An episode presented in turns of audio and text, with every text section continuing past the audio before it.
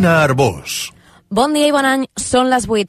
Ja es coneixen més detalls de com serà el funeral de Benet XVI, que va morir ahir als 95 anys, acompanyat del seu secretari personal, Georg Genswein, i de quatre dones que l'han atès els últims anys de la seva vida. El papa mèrit va rebre el dimecres l'extrema unció. Més detalls, corresponsal de rac a Roma, Anna Buch.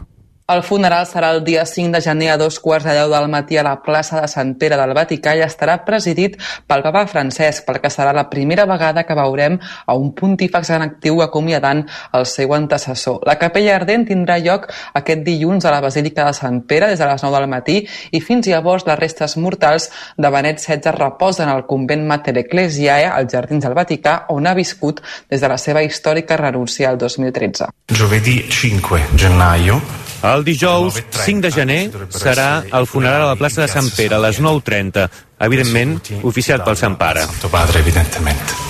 Come sapete, già da lunedì... Com és sabut, ja dilluns el cos del papa emèrit serà a la Basílica per la pregària, per una última salutació, una última trobada amb tots els fidels que es vulguin acomiadar. Con tutti quei fedeli che volessero recarvisi. Les cerimònies seran solemnes però sòbries perquè així ho volia el mateix Benet XVI que desitjava un funeral senzill. En aquesta ocasió, el Vaticà només ha convidat oficialment les delegacions d'Itàlia i Alemanya, mentre que la resta d'autoritats que vulguin venir ho hauran de fer a títol privat privat. Després, Benet XVI serà sepultat a la cripta de Sant Pere, on estan enterrats els altres papes.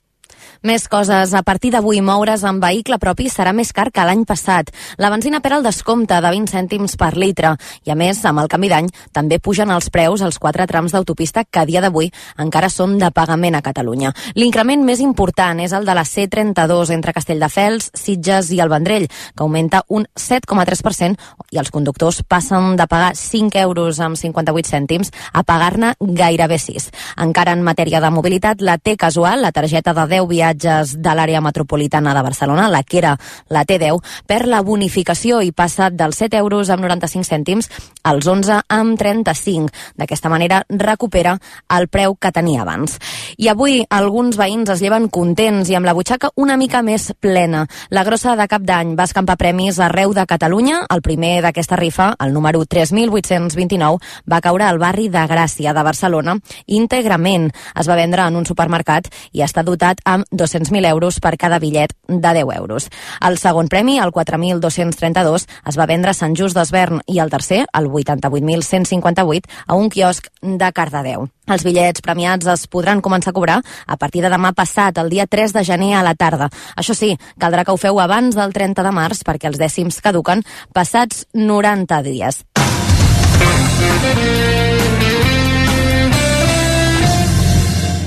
I pel que fa als esports, el Barça continua líder de primera divisió, però ara empatat a punts amb el Madrid. L'equip de Xavi Hernández ja no és líder en solitari després de cedir dos punts en el derbi contra l'Espanyol al Camp Nou. Els Blaugrana van ser superiors a l'inici, però els va faltar efectivitat, més enllà del gol de Marcos Alonso al minut 7. El partit es va anar apagant i l'Espanyol va aconseguir empatar al minut 73 amb un gol de Joselu des del punt de penal, l'únic xut entre els pals de tot el partit. Mateu Laoz va acabar sent protagonista amb dues expulsions sancions, una per cada equip i 14 grogues al rècord de primera divisió. També jugats ahir, Villarreal 2, València 1 i Real Societat 2, Osasuna 0. Més coses a la Premier League. Avui es tanca la 18a jornada amb dos partits, a les 3 Tottenham Aston Villa i a les 5 Chelsea Nottingham Forest. I també hi ha futbol a França. Comença la 17a jornada, el PSG juga amb el camp del Lens a tres quarts de nou, sense Messi, encara de vacances i Neymar sancionat. I en marxa la primera etapa del Dakar, un un recorregut circular de 603 quilòmetres totals i 368 d'especials, amb sortida i arribada al SICAM. I el temps, el primer dia de l'any, comença amb algunes boires al Pla de Lleida, alguns núvols baixos a punts de la costa i núvols prims poc importants a la resta. Dia de sol, amb cel una mica més tapat a la tarda, mig enterbolit per les bandes de núvols alts. A partir del migdia i sobretot durant la tarda, el vent de, de component sud bufarà amb ratxes fortes a cotes altes del Pirineu. Amb un avís del Servei Meteorològic de Catalunya, activat en aquest sentit. I abans d'acabar el butlletí, el 2022 ha estat un any que informativament parlant ha tingut absolutament de tot, i fins l'últim dia.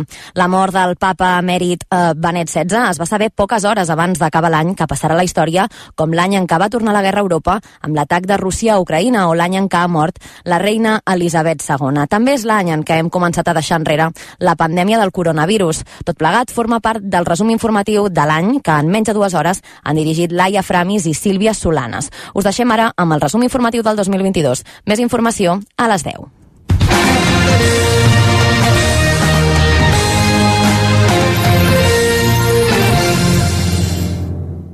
RAC més 1 RAC més 1 i Abacus us desitgen bones festes amb el conte Un camell d'Orient, basat en la Nadala de Manel. Ja em diràs tu qui voldria entrar al Museu Nacional d'Art de Catalunya, precisament la nit de Reis. Una adaptació a càrrec de Marvala que converteix l'actor David Verdaguer en el camell de Sa Majestat el rei Malció. Aquella figureta d'allà sóc jo!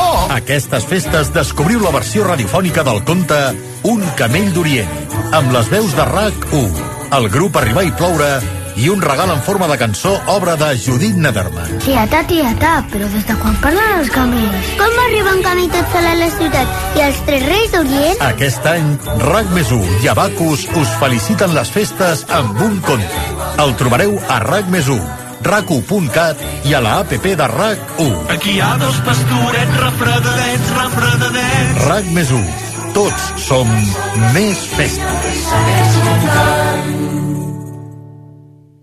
Resum informatiu de l'any. Bon 2023! Donem la benvinguda a un nou any i deixem enrere un 2022 en què gairebé podem dir que hem acomiadat una pandèmia, però alhora que ha començat una guerra a Europa. Però també han passat moltes més coses. 2022. Un inici o un final. Aquesta matinada del 24 de febrer del 2022, la guerra ha començat a Ucraïna. Llevaremos un Real Decreto Ley en virtud del cual las mascarillas dejarán de ser obligatorias en el interior. Davant de la situació generada i la pèrdua de confiança política, els informo que he decidit cessar el senyor Jordi Puigneró i Ferrer. Els militants de Junts han decidit trencar amb Esquerra. Estamos bonificando el 30% de los abonos de transporte urbano i metropolitano. Sindicats de mestres i professors i que aquest matí reprenen les vagues contra les polítiques del departament. La mesa de la cambra ha decidit aplicar el famós 25.4 del reglament que diu que s'ha de suspendre Laura Borràs. Al no haver acuerdo entre la Catalunya i Aragón, la candidatura conjunta no existe. Els veïns de l'Empordà han despertat encara en estat de xoc avui per la pedregada excepcional que ahir al vespre va provocar la mort d'una nena de 20 mesos. Des que va començar la guerra a Ucraïna, el preu de la benzina a Espanya s'ha encarit al voltant d'un 14% i el del gasoil un 25%. Una setantena de dirigents independentistes van ser espiats amb el sistema Pegasus, incloent el president Pere Aragonès i els expresidents Torra, Puigdemont i Mas. A few moments ago, Buckingham Palace announced the death of Her Majesty Queen Elizabeth II. Vamos a presentar una iniciativa legislativa para eh, reformar el delito de sedició. Deixa d'última hora i per sorpresa el Consell General del Poder Judicial desbloqueja finalment l'elecció dels dos representants al Constitucional. The 2022 Berlinale Golden Bear goes to the movie Alcaraz. Decimos con claridad, solo sí es sí, y hermana, yo sí te creo. Premio Ondas al mejor programa de radio para el món a rac de la cadena rac Acaba d'arribar la confirmació de la mort del papa emèrit Benet XVI. Aquests són alguns dels moments de l'any, però n'hi ha més. Us els resumim en menys de dues hores. 2022. L'any que ha tornat la guerra a Europa. El 2022 el recordarem com l'any que va començar la guerra a Ucraïna. La invasió russa és el conflicte més important que hi ha hagut al continent europeu des de la Segona Guerra Mundial. Fa més de 10 mesos que dura. Va començar el 24 de febrer i des de llavors ha deixat desenes de milers de morts, milions de refugiats i una crisi econòmica i energètica amb un futur incert a escala mundial. Però anem a pams.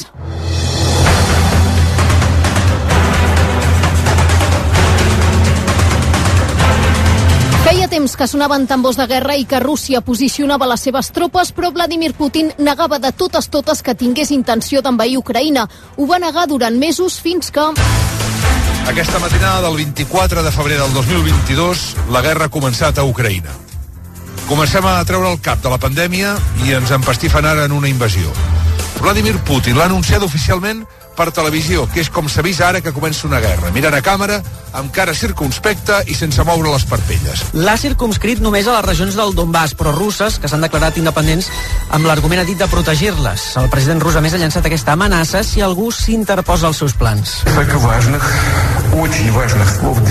Rússia és una de les potències nuclears més poderoses del món. Que ningú tingui cap dubte que un atac directe contra Rússia acabaria en derrota i tindria conseqüències nefastes per qualsevol agressor. Anem al front. Tenim un soldat en línia ucraïnès que es diu Màxim, que parla català. Hola, Màxim, bon dia. Hola, bon dia. On ets? Al regió de Lugansk. Tu estàs aquí... Aviam, primer de tot, com és que parles català? Quan vaig ser petit, vaig venir a Catalunya amb un programa per nens de Chernobyl. Tu en aquests moments estàs al front, eh? Sí, sí, sí, estic al front. Val. Quina és la situació que teniu ara en aquests moments on estàs tu? Hi ha molta tensió? Hi ha trets? Estan bombardejant, estan bombardejant molt, des de 5 del matí. Han començat ja a a- a- a- l'atac, per tant, doncs?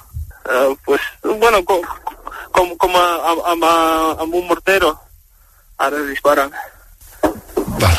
Escolta, no et vull molestar més, i menys, i menys ara. Eh, escolta'm, només una última pregunta. Com creus que acabarà per tot, tot això? Ucrània guanyarà. Ucraïna adverteix que respondrà amb tots els mitjans possibles la invasió russa que ha començat aquesta matinada i que no es limita només a la zona del Donbass, sinó que s'estén a tot el país amb bombardejos aeris en ciutats clau. Així ho ha dit el president Volodymyr Zelensky en una compareixença aquest matí. Estem repartint armes a tothom qui vulgui i tingui capacitat per defensar la nostra sobirania. El futur d'Ucraïna està en mans de tots els ciutadans. Нашего украинского народа.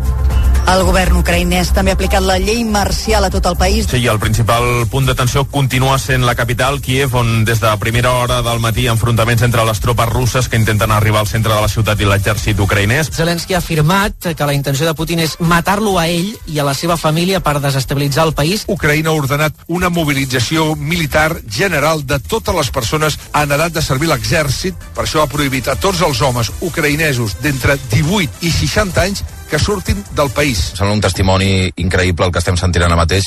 La Yana, una ucraïnesa que és radiòloga i que està actuant de metge, evidentment, d'emergències en aquests moments a l'hospital de Kiev, a la capital, i ara ens explicava que just ahir van atendre dos soldats russos. Jo mateixa li vaig dir, però vosaltres, o sigui, què esteu fent? Tots diuen el mateix, que no sabien, que volen tornar a casa, que ens demanen perdó, que no sabien, però nosaltres no, no creiem en tot això. El que em fa patir molt, la gent, el que quedarà de, de les nostres terres, de moment jo estic bé, però amb ganes que tot s'acabi. Una amiga meva m'envia el missatge i em diu un altre matí bon dia. Jo no vull sentir un altre matí, vull bon dia.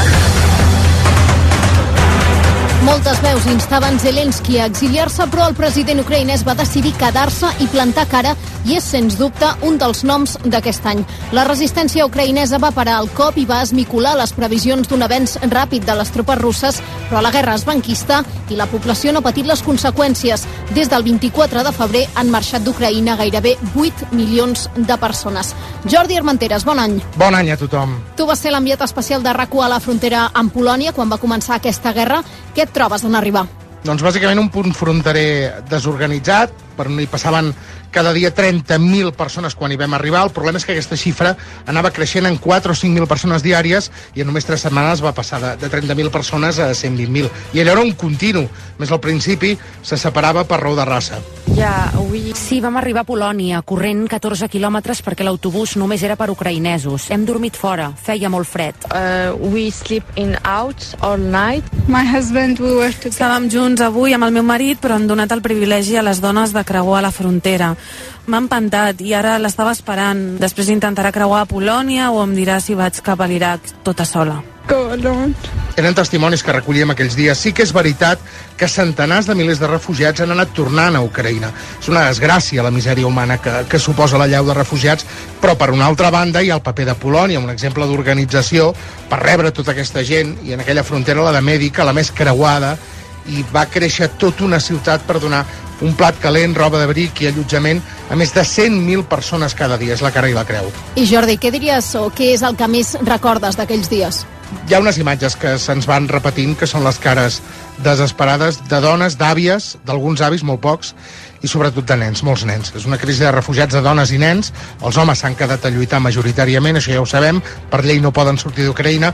Els únics que ho han fet s'han valgut de suborns a funcionaris de fronteres o a càrrecs dels governs d'Ucraïna. La frontera va acabar convertida en aquell plató de televisió, hi havia una, una baixada però havia de creuar tothom.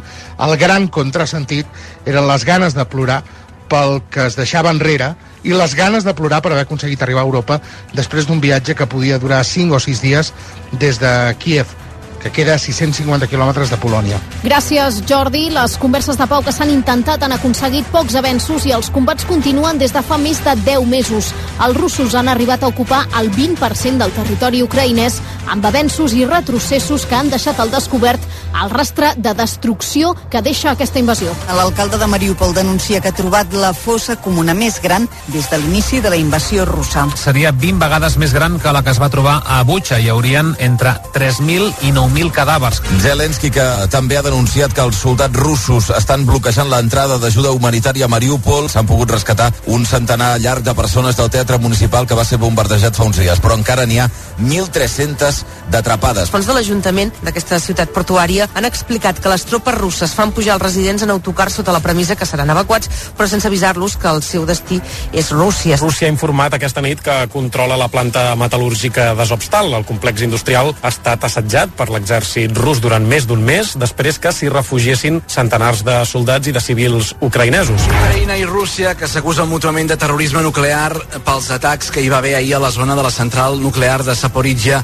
la més gran de tota Europa. L'Agència Internacional de l'Energia Atòmica ja ha alertat que atacs com aquest suposen un risc real de desastre nuclear. L'UNICEF alerta que la situació dels nens ucraïnesos és preocupant. N'han mort més de 250 i dos terços dels infants que vivien al país s'han desplaçat dins o fora del territori. L'Organització Mundial de la Salut ha informat que fins ara hi ha hagut 24 atacs a instal·lacions sanitàries a Ucraïna, però l'atac rus a l'hospital de maternitat de Mariupol és el que ha desencadenat una onada d'indignació més forta sense precedents durant el conflicte fins ara. A l'avenç d'aquesta guerra també juga un paper molt important la comunitat internacional. Ni l'OTAN ni la Unió Europea han enviat tropes a Ucraïna, però sí armament i han aprovat fins a nou paquets de sancions econòmiques contra Rússia, a qui Joe Biden deia que calia aïllar a nivell internacional. Putin is the aggressor. Putin és l'agressor. Putin ha escollit aquesta guerra i ara ell i el seu país han de suportar les conseqüències. Avui estic autoritzant més sancions i nous límits sobre el que es pot exportar a Rússia.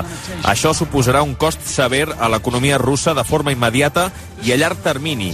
Hem escollit aquestes sancions per maximitzar l'efecte a llarg termini sobre Rússia i minimitzar l'impacte sobre els Estats Units i els aliats. Després de l'estiu, Rússia es va anaccionar Donetsk i Lugansk, territoris ocupats per rebels prorussos des del 2014, i també Saporija i Kherson, ocupats durant la invasió d'aquest any. Tot i així, l'any acaba amb una contraofensiva de l'exèrcit ucraïnès que el Kremlin ha respost mobilitzant 300.000 reservistes i bombardejant ciutats i infraestructures energètiques clau per deixar Ucraïna sense llum, aigua ni calefacció durant tot aquest hivern. Però tot això no ha sortit gratis a Vladimir Putin. Corresponsal de rac a Moscou, Abel Gallardo, bon any. Igualment, bon any. I bon any ho diem per les dates, perquè aquest no ha sigut un bon any per Rússia ni tampoc per Putin em sembla que ha estat un any dolent per a tothom. Quan Putin surti a fer el discurs d'any nou, segur que dirà que ha estat un any gloriós i decisiu per la futur de Rússia. Però està clar que no ha aconseguit un dels objectius inicials que era fer caure el govern de Zelensky i que la guerra s'està allargant més del que es pensava. També és cert, però, que l'exèrcit rus s'està consolidant en els territoris de l'est d'Ucraïna.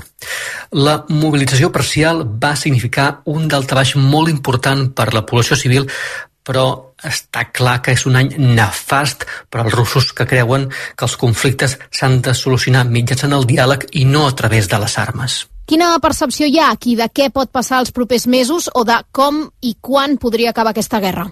És molt difícil dir quan acabarà la guerra d'Ucraïna. Quan ho pregunto a russos i a ucraïnesos, em contesten que lluitaran fins a la victòria. Però fent un anàlisi més acurat, a Rússia hi ha la sensació de que el conflicte acabarà quan Europa i els Estats Units deixin d'enviar armament al govern de Kiev i d'aquesta manera forcin una negociació. Està clar, però, que, de moment, les postures són molt allunyades i no s'alvira un final del conflicte a curt termini. El món sencer, però especialment la Unió Europea, noten de ple l'impacte econòmic d'aquesta guerra i el xoc arriba quan l'economia començava a aixecar el cap després de la pandèmia.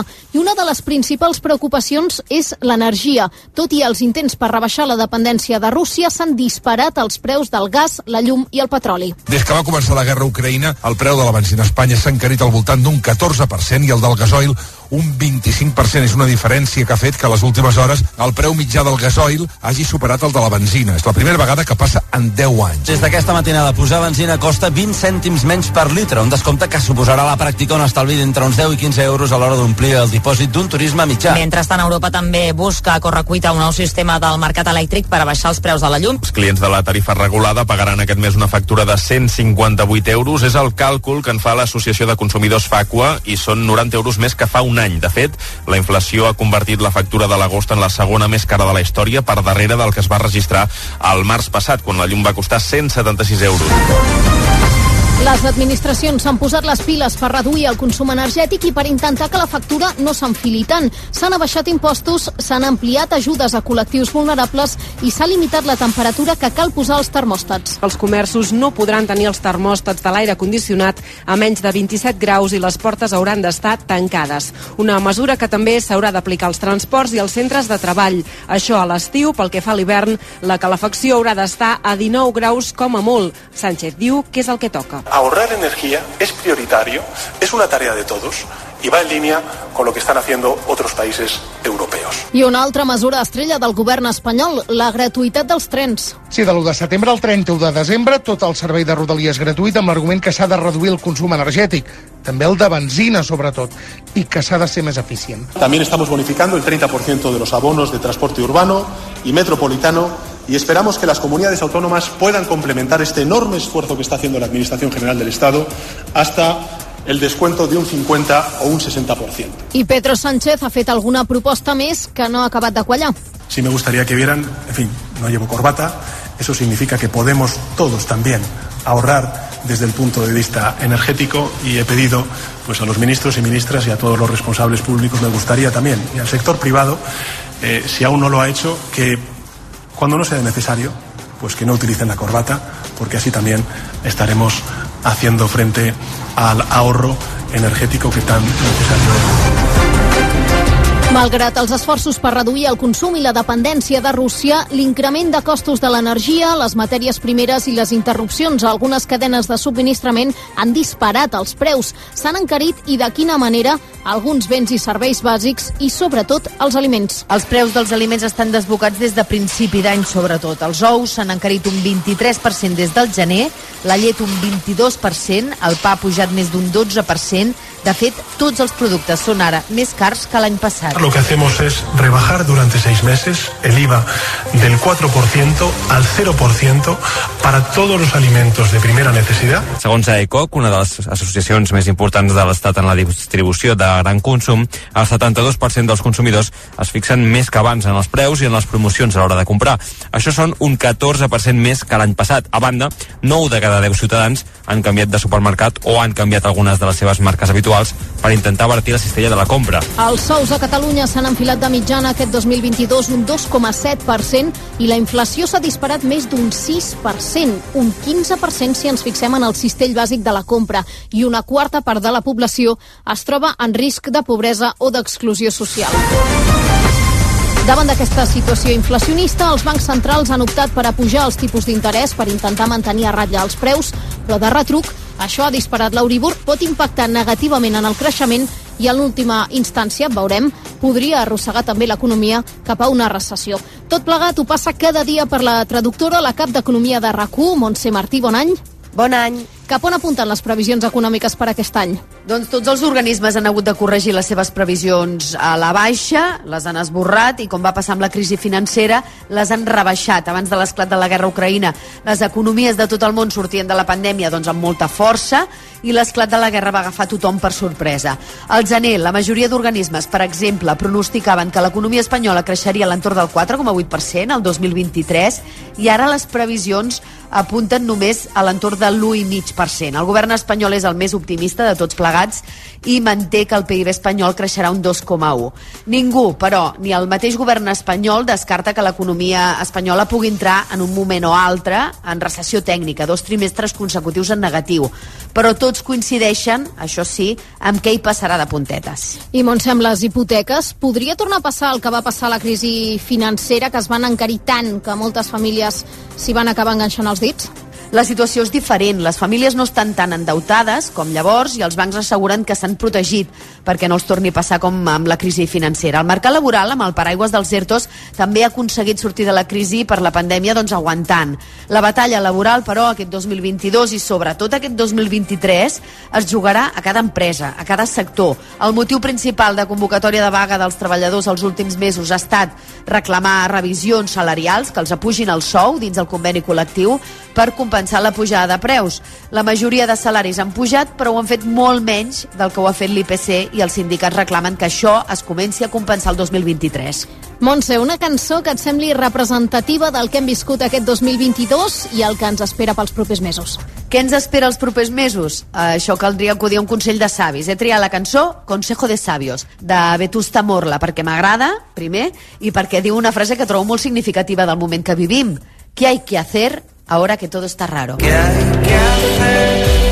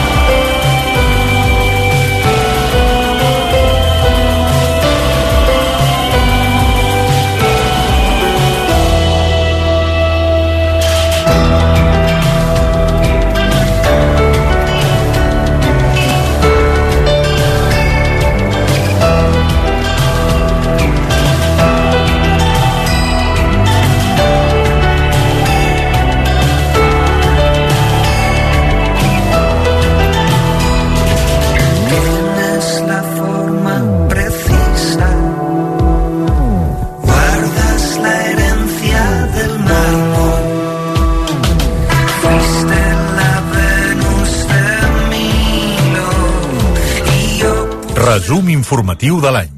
Aquest Nadal, Abacus t'obre la porta a la imaginació, a un món màgic que és a tocar, però que no tothom veu, on els somnis es fan realitat i les il·lusions es converteixen en joc.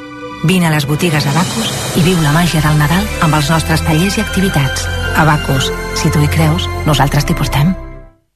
Caram, si al dit tenen de tot per fer esport. Ui, doncs esclar. Des d'aquest dimecres a Aldi tens de tot per mantenir-te en forma al millor preu. Com l'estimulador muscular i les sabatilles esportives a només 12,99. Així de fàcil, així d'Aldi. Bon dia. En el sorteig del sueldazo del cap de setmana celebrat ahir, el número premiat amb 5.000 euros al mes durant 20 anys i 300.000 euros al comptat va ser 75.605 75605 de la sèrie 33033. Uns altres quatre números i sèries més han obtingut cadascun un sueldazo de 2.000 euros al mes durant 10 anys. Els pots consultar a juegos11.es. Avui tens una nova oportunitat amb el sueldazo del cap de setmana. Gaudeix del dia. I ja ho saps, a tots els que jugueu a l'11, ben jugat. Resum informatiu de l'any. 2022. Un govern trencat.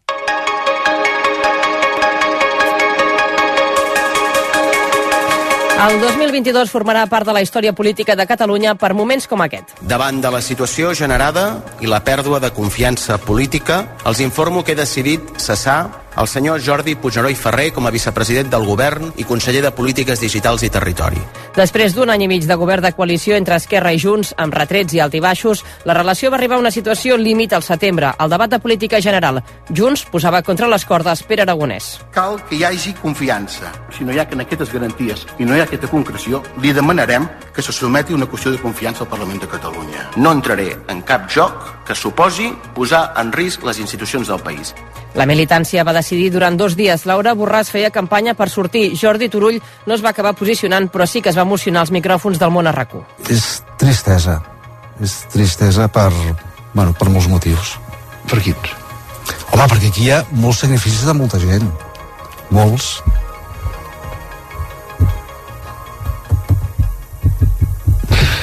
S'emociona Jordi Turull. Moltes gràcies, Jordi Turull. Que vagi bé, són les 10, hem progrés l'hora l'hora màxima.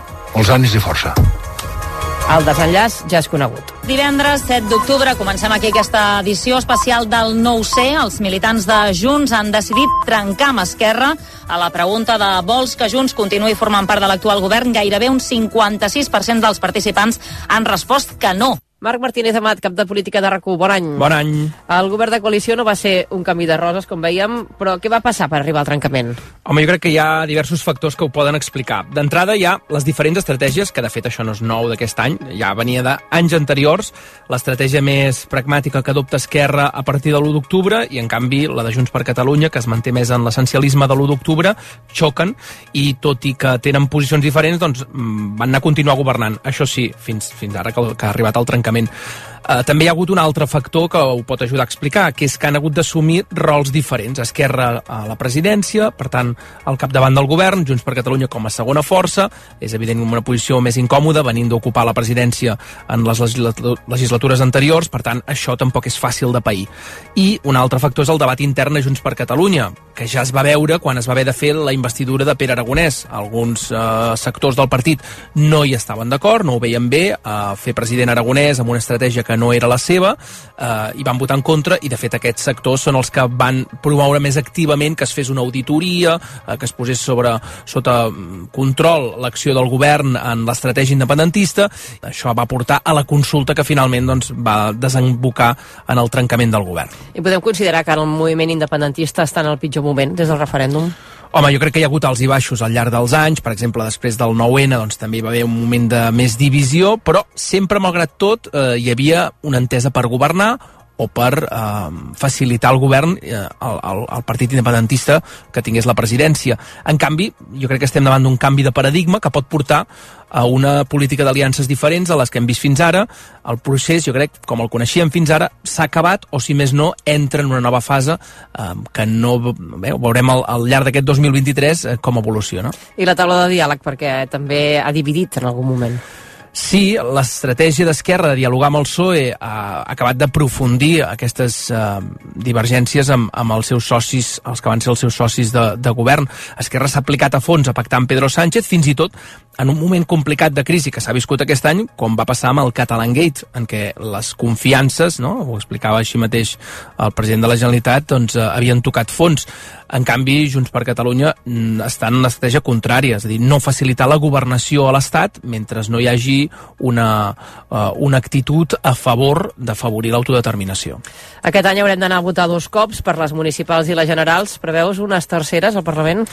Home, jo ho veig complicat, però veurem com van les municipals, um, perquè poden ser, es poden, tot i que evidentment tenen unes dinàmiques molt diferents, no?, i es vota molt les claus locals, també hi haurà una lectura amb clau nacional del que passi, això és evident. I també, uh, veient què pugui uh, passar al Parlament, com se'n surti el govern de Pere Aragonès en minoria, doncs tot això pot condicionar o pot uh, propiciar que hi hagi un avançament electoral, tot i que, també és veritat que la intenció de Pere Aragonès és esgotar la legislatura peti qui peti. Per tant, si depèn del president, la legislatura anirà encara més enllà. Molt bé, doncs vinga, va, posem-hi música. Quina cançó tries per definir el 2022? Mira, com que el tema és aquest divorci que hi ha hagut entre els dos socis de govern, he triat aquesta de Avui t'he vist dels Catarres, que parla d'una separació, d'un noi que diu que avui ha vist la seva exparella i recorda una mica a boca de quan estaven junts. Hi ha alguns fragments que podem fer servir a la política catalana. Eh? Diu, avui t'he vist i m'has fet tornar aquells temps antics d'amor-odi estrany. Home, podem dir que hi ha hagut una certa amor-odi, tu tan drama queen, jo tan exaltat, va ser divertit però un preu massa alt. També hi ha un moment que diu, quan, eh, jo ja, jo no t'enyoro i jo ja no t'enyoro més, que només et trobo a faltar sempre. Avui t'he vist i m'has fet dubtar. No he sabut si dir res o abaixar el cap Davant del pis que ens va regalar. Mil glorioses nits i algun funeral. Avui t'he vist i m'ha fet molt pal he pensat que és trist, però deu ser normal. Algun matí encara em fa mal, però al sortir del llit ja me n'he oblidat.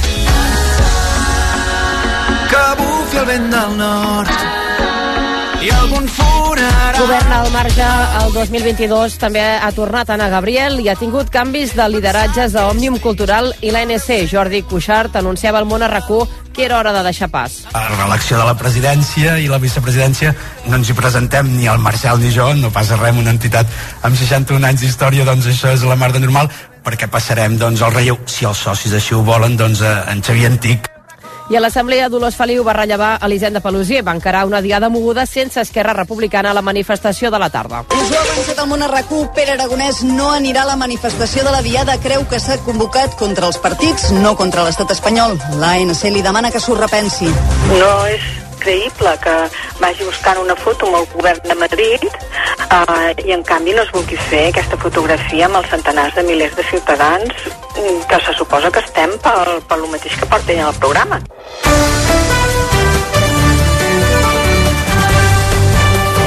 I més enllà dels moviments dins l'independentisme, aquest any el Parlament també ha estat notícia i no precisament pel que s'hi ha debatut. El Parlament de Catalunya està pagant 1,7 milions d'euros cada any a una vintena de funcionaris que ja no hi treballen. Ho revela avui el diari Ara. Entre aquests funcionaris hi ha dos exsecretaris generals o caps de departament que cobren fins a 10.000 euros al mes. de funcionaris que tenen més de 60 anys i que s'han acudit a un règim que es diu llicència per edat. Aquesta figura existeix des del 2008. I a primera hora, la més ampliada ha acordat retirar-les dels treballadors que ja les tenien concedides. La Comissió d'Afers Institucionals ha ratificat la nova proposta que obliga els funcionaris afectats, tot i algunes excepcions, a reincorporar-se l'1 de novembre.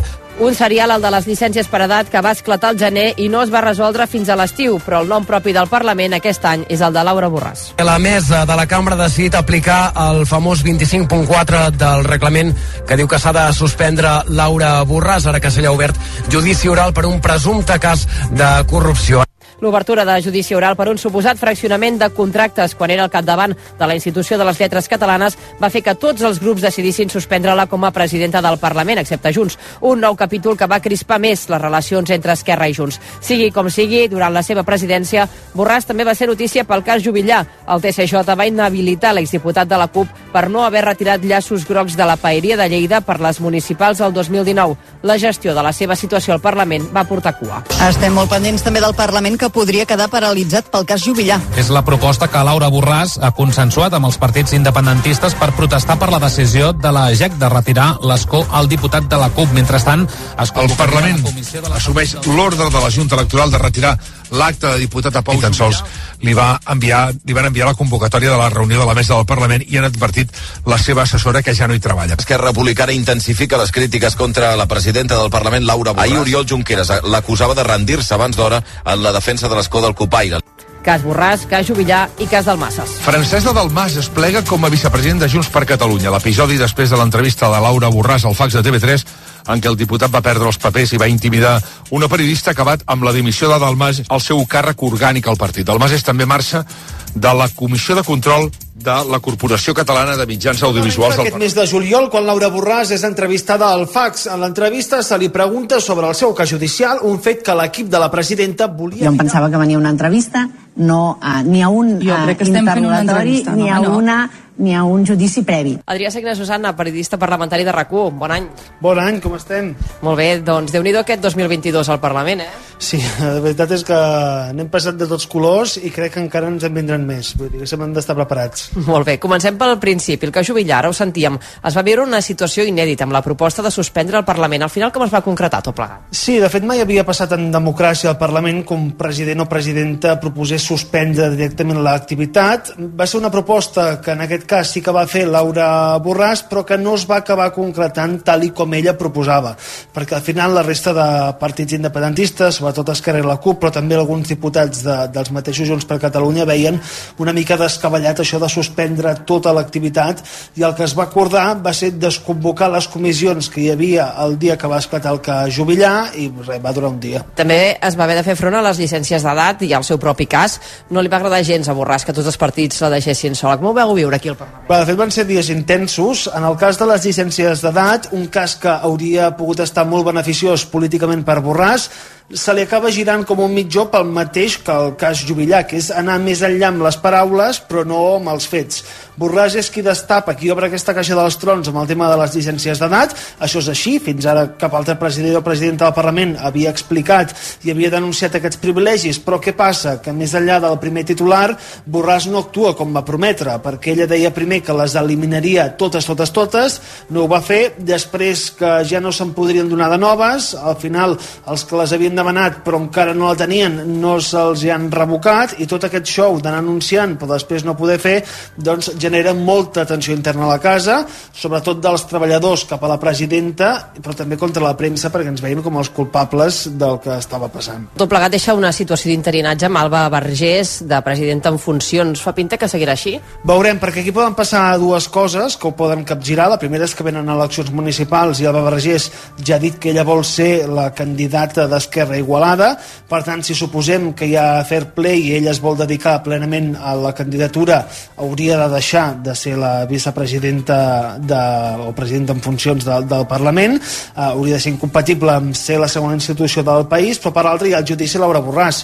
Clar, si l'absolen, ella recuperaria la seva condició de diputada i de presidenta del Parlament, però si la condemnen, estic segur que molta gent del seu mateix partit, de Junts per Catalunya, farà pressió perquè dimiteixi, perquè plegui i es posi una altra persona de Junts doncs, assumir aquesta funció de presidència del Parlament. Esteu ben distrets. Escolta, si haguessis d'escollir una cançó per definir aquest any que deixem enrere a nivell Parlament... Doncs mira, agafaré una cançó, uh, una versió que va fer Núria Feliu, del Parole, Parole, Parole, de la Mina, que és paraules, paraules, perquè se'n diuen moltes aquí, però de fets de vegades no gaires. Paraules, paraules, paraules. Escolta. Paraules,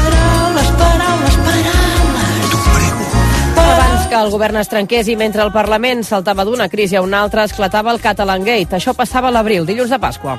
Una setantena de dirigents independentistes van ser espiats amb el sistema Pegasus, incloent el president Pere Aragonès i els expresidents Torra, Puigdemont i Mas. L'independentisme inicia una ofensiva judicial contra l'estat espanyol arran de l'espionatge massiu a través del programa Pegasus. Partits i entitats es querellaran contra l'estat espanyol en fins a cinc països diferents. Ho estan amb la intenció de buscar responsables d'aquest espionatge que hauria afectat una seixantena de polítics i activistes independentistes. Ara, en aquests moments, imatge unitària del moviment amb els presidents de les entitats ANC i Òmnium líders dels tres partits independentistes. Ja té la primera conseqüència política. El govern congela les relacions amb la Moncloa. No cal ser Sherlock Holmes per mirar el CNI. Per tant, més enllà de la llei de secrets oficials, han de donar compte. Paraules,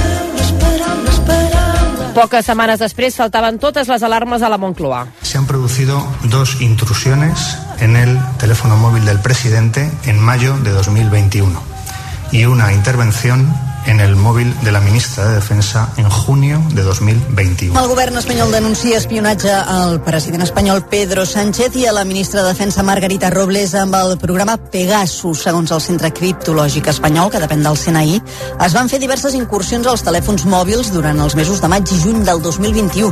Durant aquelles dates hi va haver dos fets rellevants, la tramitació dels indults als líders del procés i la crisi amb el Marroc. La primera decisió va ser el CNI. El BOE, el butlletí oficial de l'Estat, acaba de publicar la destitució de qui fins ahir era la màxima responsable del CNI, Paz Esteban. Insistim en la paraula destitució, que és el que diu el BOE, perquè ahir Margarita Robles, la ministra, parlava de substitució. El govern espanyol va voler tancar el Catalan Gate amb la Comissió de Secrets Oficials, però l'independentisme encara espera respostes. Tampoc s'ha aclarit qui va espiar el telèfon de Pedro Sánchez. I aquest 2023 també caldrà veure què passa amb la candidatura dels Pirineus per als Jocs Olímpics d'hivern. Les traves del president aragonès van fer saltar pels aires una candidatura conjunta que ni comuns ni CUP mai van veure bé.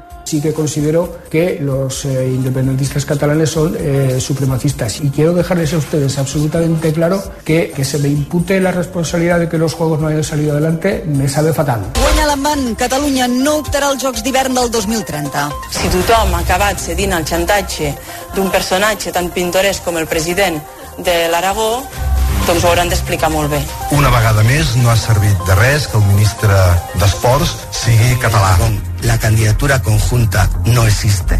Abrimos la posibilidad de que si alguno de los territorios de los que ahora hablamos quieran presentar en el futuro una candidatura para la posible organización de los Juegos Olímpicos, lo presenten ante el Comité Olímpico Español. I el 2022 també serà l'any que Jordi Pujol va donar un ensurt amb el seu estat de salut. Estem molt pendents de l'estat de salut de Jordi Pujol, expresident de la Generalitat, que està ingressat a l'Hospital de Sant Pau. Segons fons properes a la família, l'expresident de 92 anys hauria tingut una isquèmia cerebral, un ictus, que li podria deixar seqüeles, tot i que asseguren que no estem per la seva vida. I Jordi Pujol continua en observació a l'Hospital de Sant Pau de Barcelona. Els metges que el tracten acaben d'explicar que està conscient i en observació després de la intervenció que li van haver de fer ahir. Pocs dies després rebia l'alta i seguia tractament de rehabilitació. Paraules, paraules, paraules. Escolta'm, Núria. Paraules, paraules, paraules. Paraules, paraules, paraules. Paraules, paraules, paraules, paraules, paraules. Les teves paraules per mi no són res. Una paraula encara. Paraules, paraules, paraules. Núria, escolta. Paraules, paraules, paraules. Paraules, paraules, paraules. Et juro. Paraules, paraules, paraules, paraules, paraules. Les teves paraules per mi no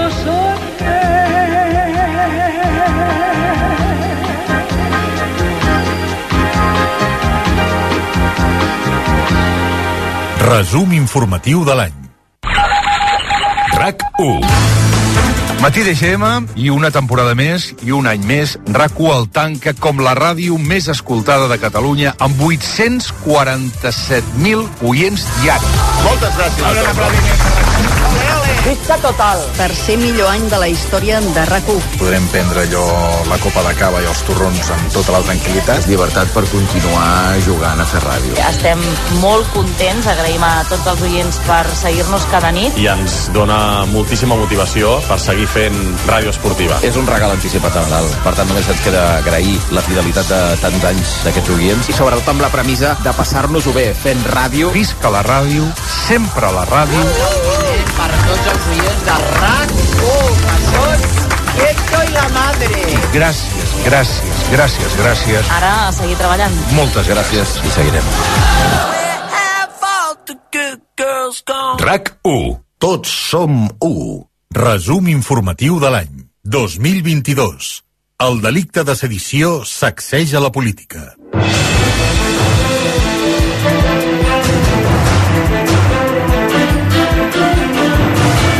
Després de mesos d'estira i arronsa, Pedro Sánchez va triar una entrevista a la Sexta en horari nocturn per fer l'anunci l'11 de novembre. El Grupo Parlamentario Socialista y el Grupo de Unidas Podemos vamos a presentar una iniciativa legislativa para eh, reformar el delito de sedición, reemplazarlo por un delito que eh, será más o menos homologable al que tienen otras eh, democracias europeas. I això va generar una cascada de reaccions a favor i en contra, també dins l'independentisme. Avui fem un pas endavant en el camí de la resolució del conflicte polític. Tal i com vam acordar, que passaria abans de finalitzar l'any, hem arribat a un acord amb el govern de l'Estat Junts per Catalunya, en canvi, carrega contra la reforma. El partit creu que l'acord entre el govern espanyol i Esquerra complica la de justícia. Esta decisión yo no solo no la habría tomado nunca, sino que además la voy a revertir si soy presidente del gobierno. Aquest va ser un meló, l'altre va ser el de la malversació. Sigui com sigui, aquest nou escenari podria fer canviar la situació dels exiliats, com Carles Puigdemont, que aquest 2023 tornarà a ser notícia pel que decideixi el TJUE sobre la seva condició d'eurodiputat. L'altre focus del 2022 l'han tingut a sobre els jutges i el seu mandat més que caducat al Consell General del Poder Judicial. És de tal magnitud que Juan Carlos Lesmes, quin era el president, a l'octubre va fer un cop de puny sobre la taula. Esta reiterada indiferencia a mis llamamientos, la expectativa que se abre no parece ser otra que el mantenimiento de una situación, quizá durante años, que debilita y erosiona cada vez más a las principales instituciones de la justicia española y por ende de nuestro Estado. PSOE i Unides Podem també volen aprofitar aquesta reforma del Codi Penal per desbloquejar una altra qüestió clau dins l'Estat, que és la renovació del Tribunal Constitucional. El Congrés dels Diputats ha aprovat aquesta tarda la polèmica reforma del Codi Penal que inclou la derogació del delicte de sedició, la reforma del de malversació i el canvi de majories per renovar el Constitucional.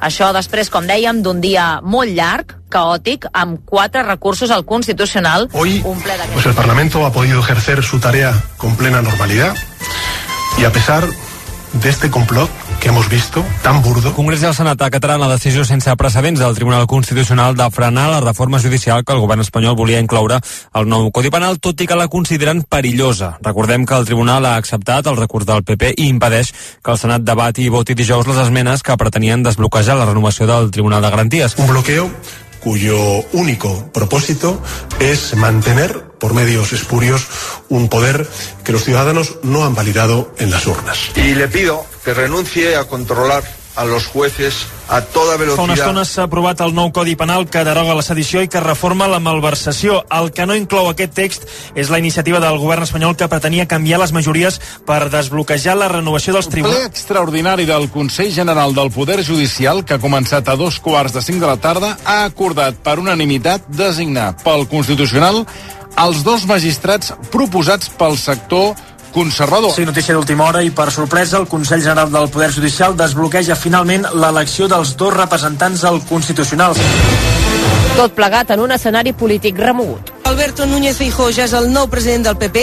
El gallec ha aconseguit un suport monolític dels populars amb pràcticament el 100% dels vots. Estamos aquí para ofrecer a los españoles fiabilidad, madurez, sentido de Estado y un rumbo, un rumbo claro. Estamos aquí para garantizar una alternativa de gobierno. Un capítol convuls amb la presidenta madrilenya Isabel Díaz Ayuso va precipitar la sortida de Pablo Casado. Pablo Casado ha entrat avui al cos a cos amb Isabel Díaz Ayuso pel contracte de la Comunitat de Madrid que va lligar el seu germà. El líder del PP entra de ple en la Más allá de que sea ilegal, que eso es algo que tendrá que decir un juez, la cuestión es si es entendible que el 1 de abril, cuando morían en España 700 personas, se puede contratar con tu hermana y recibir 300.000 euros de beneficio por vender mascarillas. Lo que tengo claro es que eso no es ilegal y por tanto no le he preguntado más. Es que no lo es. Pablo Casado no plegarà, però tampoc es presentarà al Congrés extraordinari que es farà a principis d'abril. Els barons celebren la decisió i esperen tancar la ferida amb el lideratge del president gallec Alberto Núñez Feijó.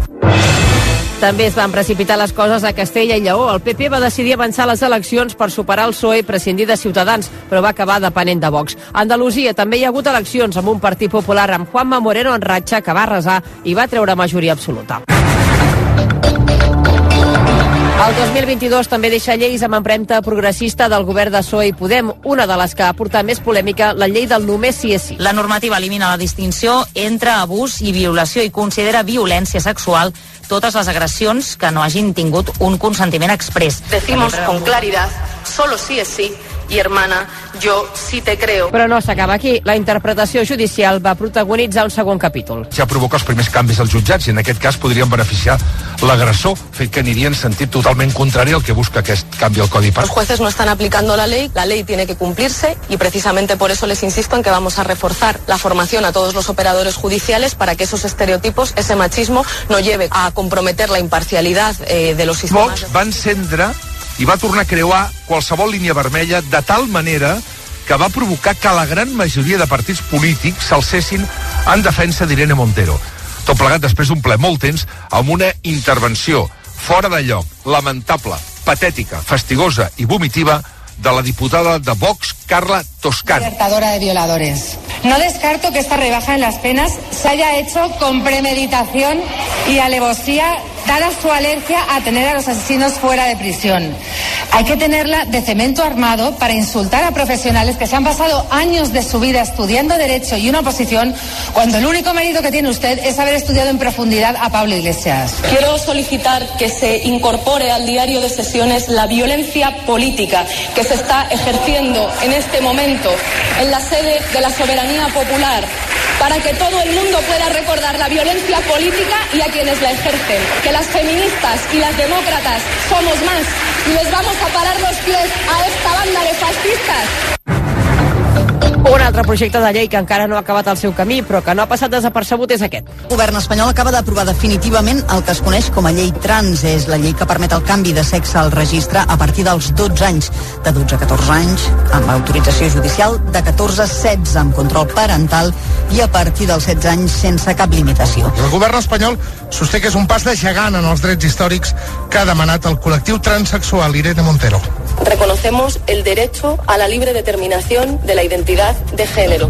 També ja agafa forma la llei de famílies que dona permisos per atendre familiars malalts, entre d'altres. Jordi Manteres, delegat de RACO a Madrid, bon any de nou. déu nhi quin moviment, eh? Sedició, jutges caducats, la llei del sí a sí...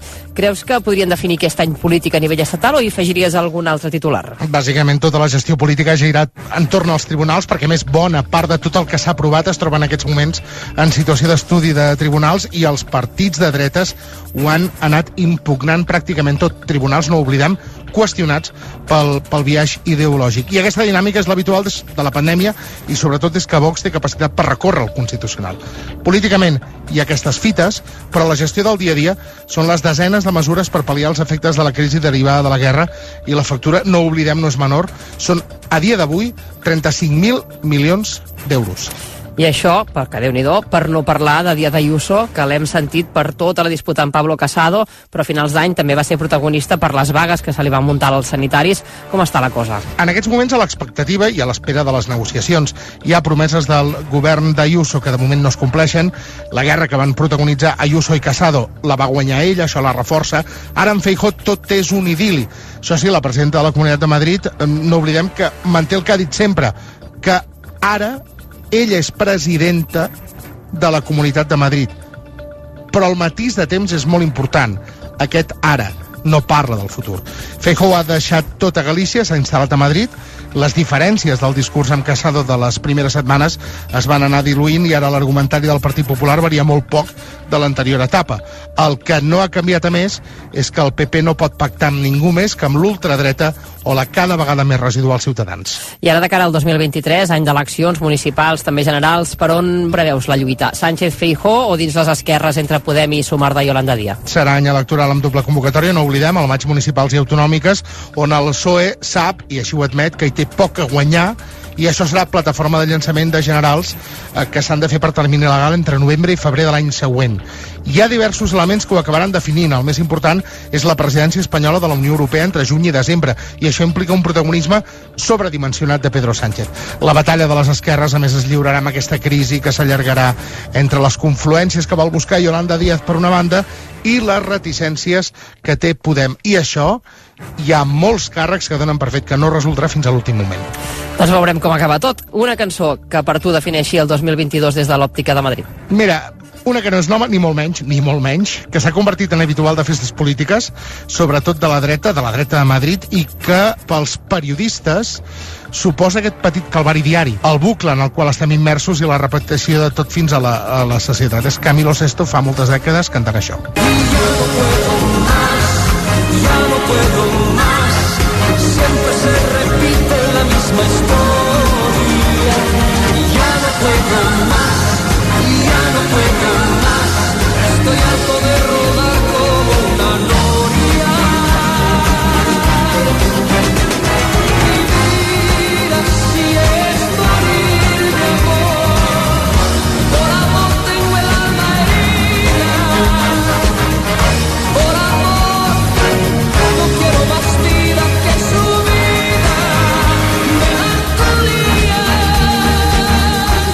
al Rei emèrit Joan Carles I, que ha tornat a ser notícia aquest 2022 que deixem enrere. El rei emèrit torna aquesta tarda a Espanya després de gairebé dos anys vivint a Abu Dhabi. Ho fa un cop la Fiscalia del Suprem ha tancat les investigacions que tenia obertes contra ell per possibles casos de corrupció i evasió d'impostos i sense cap càrrec judicial. Participarà en la competició esportiva que es fa aquest cap de setmana a la localitat de San Xenxo i dilluns farà un viatge ràpid a Madrid per dinar amb el seu fill. Tot preparat aquí al Club Nàutic de Sant Xenxo i també a l'aeroport de Vigo per l'arribada del rei emèrit que es preveu entre les 7 i les 8 de la tarda. L'esperarà un cotxe que el portarà fins aquí, fins a Sant Xenxo, on passarà aquests dies allotjat a casa del president del Reial Club Nàutic. A Sant Xenxo hi ha hagut de tot, menys discreció. Es va convertir en un gran plató de televisió, s'ha deixat veure el rei emèrit i, a més, ha fet algunes declaracions que sorprenen i que en alguns sectors indignen. Com per exemple aquesta quan li van preguntar per la seva situació i el dinar d'avui amb el seu fill i amb la reina Sofia. ¿Me va a dar algún tipo de explicaciones? ¿Qué tal ha sido su estancia en Sánchez? No ha estat l'única notícia sobre Joan Carles I. L'examant Corina Larsen va estrenar un podcast per esbombar interioritats. 2022.